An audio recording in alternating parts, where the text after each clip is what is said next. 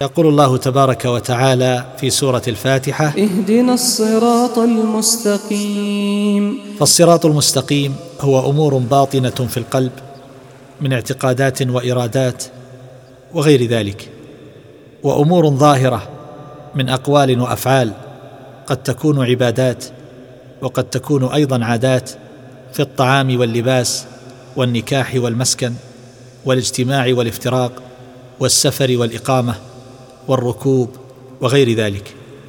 وهذه الأمور الباطنة والظاهرة بينهما ارتباط ومناسبة فان ما يقوم بالقلب من الشعور والحال يوجب أمورا ظاهرة وما يقوم بالظاهر من سائر الأعمال يوجب للقلب شعورا وأحوالا. كما ذكر ذلك شيخ الإسلام ابن تيمية رحمه الله في كتابه الاقتضاء والله أعلم. وصلى الله على نبينا محمد وعلى آله وصحبه أجمعين.